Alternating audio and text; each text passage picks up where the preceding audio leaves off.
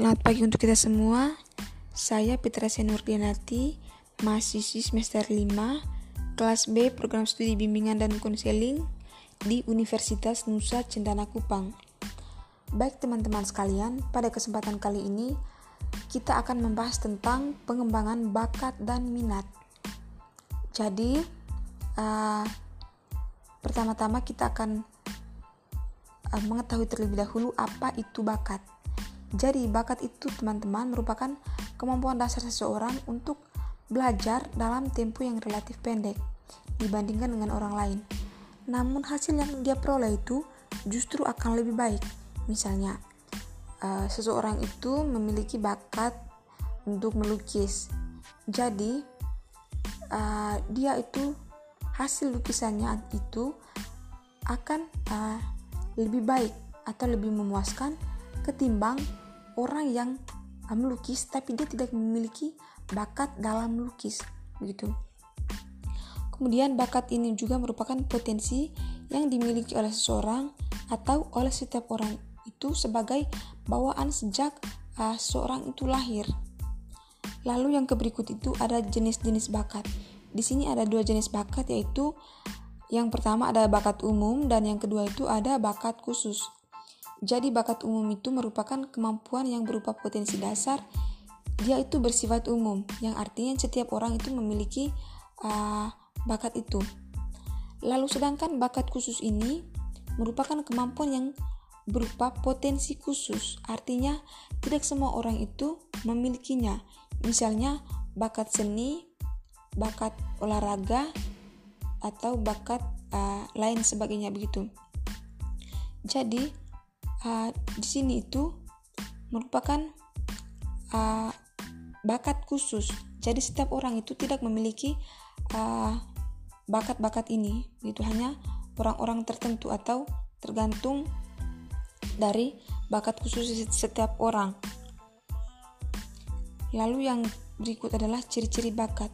Yang pertama itu bakat merupakan kondisi atau kualitas yang dimiliki oleh seseorang yang uh, memungkinkan seorang tersebut itu uh, akan berkembang pada masa uh, mendatang sesuai dengan bakat atau sesuai dengan kondisi atau kualitas yang dimiliki oleh seseorang itu.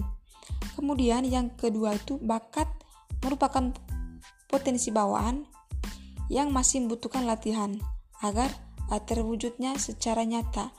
Misalnya seorang itu memiliki bakat jadi di, di, di sini tuh dia membutuhkan latihan agar bakat yang dia miliki itu akan apa menonjol begitu atau berkembang yaitu uh, dengan cara latihan tadi. Kemudian yang ketiga ada bak ada uh, bakat dapat muncul perlu uh, digali kemudian ditemukan, dilatih, dan dikembangkan. Jadi, ketika kita mempunyai bakat, kita harus uh, perlu menggali bakat yang kita miliki agar agar dapat yang kita miliki itu berkembang. Lalu kita juga butuh latihan. Jadi di sini uh, ketika kita memiliki bakat, kita tidak boleh memendamkan bakat yang kita miliki.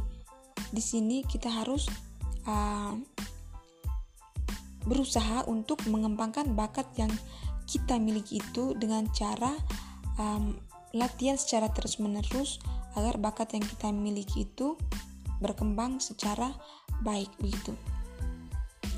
Lalu yang keempat, bakat memungkinkan seorang untuk mencapai prestasi dalam bidang tertentu. Akan tetapi harus uh, ditunjang dengan minat, kemudian juga uh, latihan, pengalaman dan juga dorongan. Jadi dorongan dorongan ini uh, entah itu dari dorongan dari orang tua maupun teman-teman dekat kita agar uh, membantu untuk uh, menunjang bakat yang kita miliki. Yang berikut ada aspek-aspek bakat. Jadi yang pertama itu ada aspek perseptual. Jadi teman-teman, aspek perseptual ini meliputi kemampuan dalam memberikan penilaian atau pemahaman terhadap sesuatu. Yang kedua ada aspek psikomotor. Aspek psikomotor ini meliputi uh, kemampuan fisik seperti kekuatan fisik, kecepatan gerak, ketelitian dan ketepatan, koordinasi dan keluasan anggota tubuh. Lalu yang ketiga ada aspek intelektual. Aspek intelektual ini meliputi kemampuan mengingat dan mengevaluasi suatu informasi. Di sini juga ada dua bidang bakat, yaitu yang pertama bidang uh, bakat di bidang akademis, lalu yang kedua itu bakat di bidang non akademis. Jadi bakat di bidang akademis ini uh, adalah prestasi yang diraih atau yang diperoleh di sekolah untuk uh, melihat bakat uh, di bidang akademis. Dapat kita lakukan dengan uh, melihat atau merinci nilai raport. Lalu yang kedua itu bakat di bidang non akademis. Dalam arti uh, prestasi bidang di bidang seni, kemudian olahraga, keterampilan dan lain sebagainya. Misalnya itu uh, di bidang olahraga, kesenian, memasak dan lain sebagainya. Itu yang namanya uh, bakat di bidang non akademis. Lalu yang ke berikut adalah pengertian dari uh, minat jadi teman-teman kita sudah jelaskan, kita sudah pahami tadi apa itu pengertian dari bakat. Seterusnya, selanjutnya kita akan uh, ketahui apa itu uh, minat. Jadi minat itu merupakan seberapa besar seseorang itu merasa suka atau tertarik atau uh, tidak suka dan juga bisa mengabaikan pada suatu rangsangan.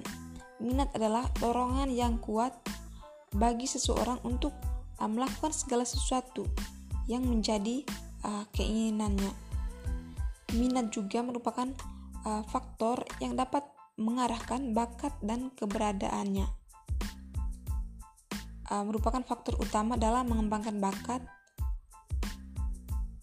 Kata minat lebih uh, menggambarkan motivasi begitu yang mempengaruhi perhatian, kemudian juga berpikir dan berprestasi. Spesifikasi minat juga dapat dibedakan menjadi uh, tiga. Yang pertama itu ada minat pribadi atau personal interest. Minat pribadi ini yaitu ciri pribadi individu yang relatif stabil. Jadi minat pribadi ini ditunjukkan pada suatu kegiatan atau topik yang spesifik, misalnya minat pada olahraga, kemudian ilmu pengetahuan, musik, tarian, dan lain sebagainya. Lalu yang kedua itu ada minat situasional. Minat situasional ini merupakan uh, minat yang ditumbuhkan oleh kondisi atau faktor lingkungan. Misalnya, peran pendidikan formal kemudian informasi yang diperoleh melalui buku, kemudian internet atau uh, informasi melalui televisi. Yang ketiga, minat sebagai keadaan psikologis. Maksudnya di sini yaitu bila seorang memiliki uh, penilaian yang tinggi untuk suatu kegiatan dan pengetahuan yang tinggi terhadap kegiatan tersebut. Itu yang namanya minat sebagai keadaan psikologis. Kemudian uh, poin ke C adalah faktor-faktor yang mendukung pengembangan bakat dan minat. Jadi di sini ada dua faktor yaitu yang pertama ada faktor internal dan yang kedua ada faktor eksternal. Jadi faktor internal ini yang pertama ada uh, faktor bawaan atau faktor genetik. Jadi faktor ini merupakan faktor yang mendukung perkembangan individu dalam minat dan juga bakat sebagai uh, totalitas karakteristik individu yang diwariskan oleh orang tua kepada anak dalam segala potensi melalui fisik maupun psikis yang dimiliki individu sebagai pewarisan dari uh, orang tuanya. Jadi faktor hereditas sebagai faktor pertama munculnya bakat. Dari segi biologinya itu, bakat sangat berhubungan dengan uh, fungsi otak. Bila otak kiri dominan, segala tindakan dan verbal, intelektual teratur, rapi dan logis, sedangkan otak kanan itu berhubungan dengan masalah spasial, nonverbal, estetik, dan artistik secara atletis gitu. Sedangkan kalau faktor kepribadiannya itu, faktor kepribadian itu uh, keadaan psikologis di mana perkembangan potensi anak itu tergantung pada diri dan emosi anak itu sendiri. Hal ini akan uh, membantu anak dalam dalam membentuk konsep serta optimis dan percaya diri dalam mengembangkan minat dan bakatnya itu merupakan faktor internal. Sedangkan faktor eksternal itu yang pertama faktor lingkungan. Faktor lingkungan di sini merupakan olahan dari berbagai hal untuk mendukung pengembangan minat dan bakat dari seseorang. Yang pertama itu faktor lingkungan terbagi atas. Uh, pertama lingkungan keluarga.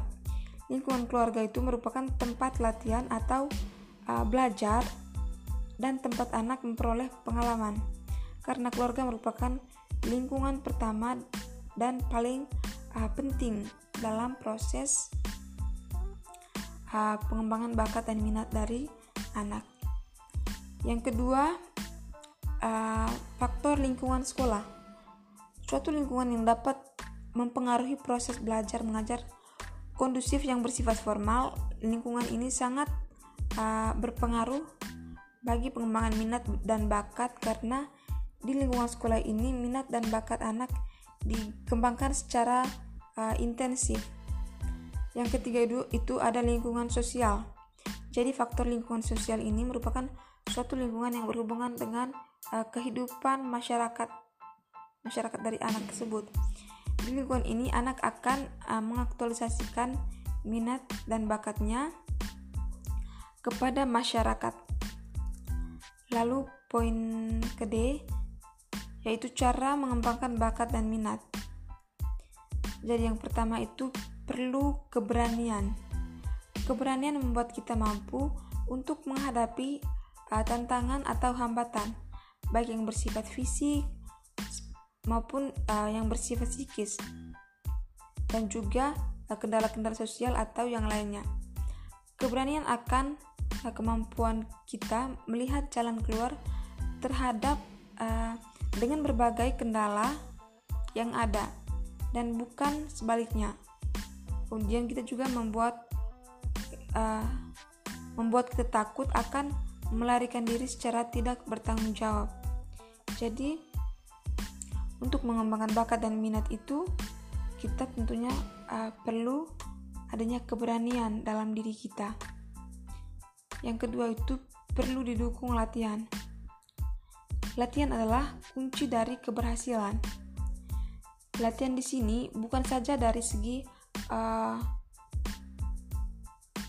kualitasnya, tapi juga dari segi motivasi yang menggerakkan setiap uh, usaha yang kelihatannya secara fisik. Lalu yang ketiga perlu didukung lingkungan. Lingkungan di sini tentu dalam arti yang sangat luas, termasuk manusia, kemudian fasilitas, biaya, dan kondisi sosial lainnya yang turut berperan dalam uh, usaha untuk pengembangan bakat ya, dan minat. Jadi, usaha dalam pengembangan bakat dan minat itu tentu uh, didukung oleh fasilitas atau uh, termasuk dukungan dari orang-orang um, sekitar agar pengembangan bakat kita itu berjalan dengan lancar. Yang keempat, perlu memahami hambatan-hambatan pengembangan bakat dan cara mengatasinya. Jadi di sini perlunya uh, pengembangan bakat apa? Kita itu harus mengetahui atau memahami hambatan-hambatan apa saja uh, dalam mengembang cara dalam mengembangkan bakat dan minat kita dan kita juga harus mengetahui cara untuk mengatasi hambatan-hambatan tersebut agar proses pengembangan bakat kita itu berjalan dengan uh, lancar dan baik adanya. Di sini uh, sekali lagi kita perlu mengidentifikasikan dengan baik kendala-kendala yang ada, kemudian kita juga uh, kategorikan mana yang mudah diatasi dan mana yang sulit. Kemudian mulai untuk memikirkan jalan keluar dari hambatan hambatan uh, dalam mengembangkan bakat tadi. Baik, uh, itu saja yang bisa saya sampaikan pada pagi hari ini. Semoga apa yang saya sampaikan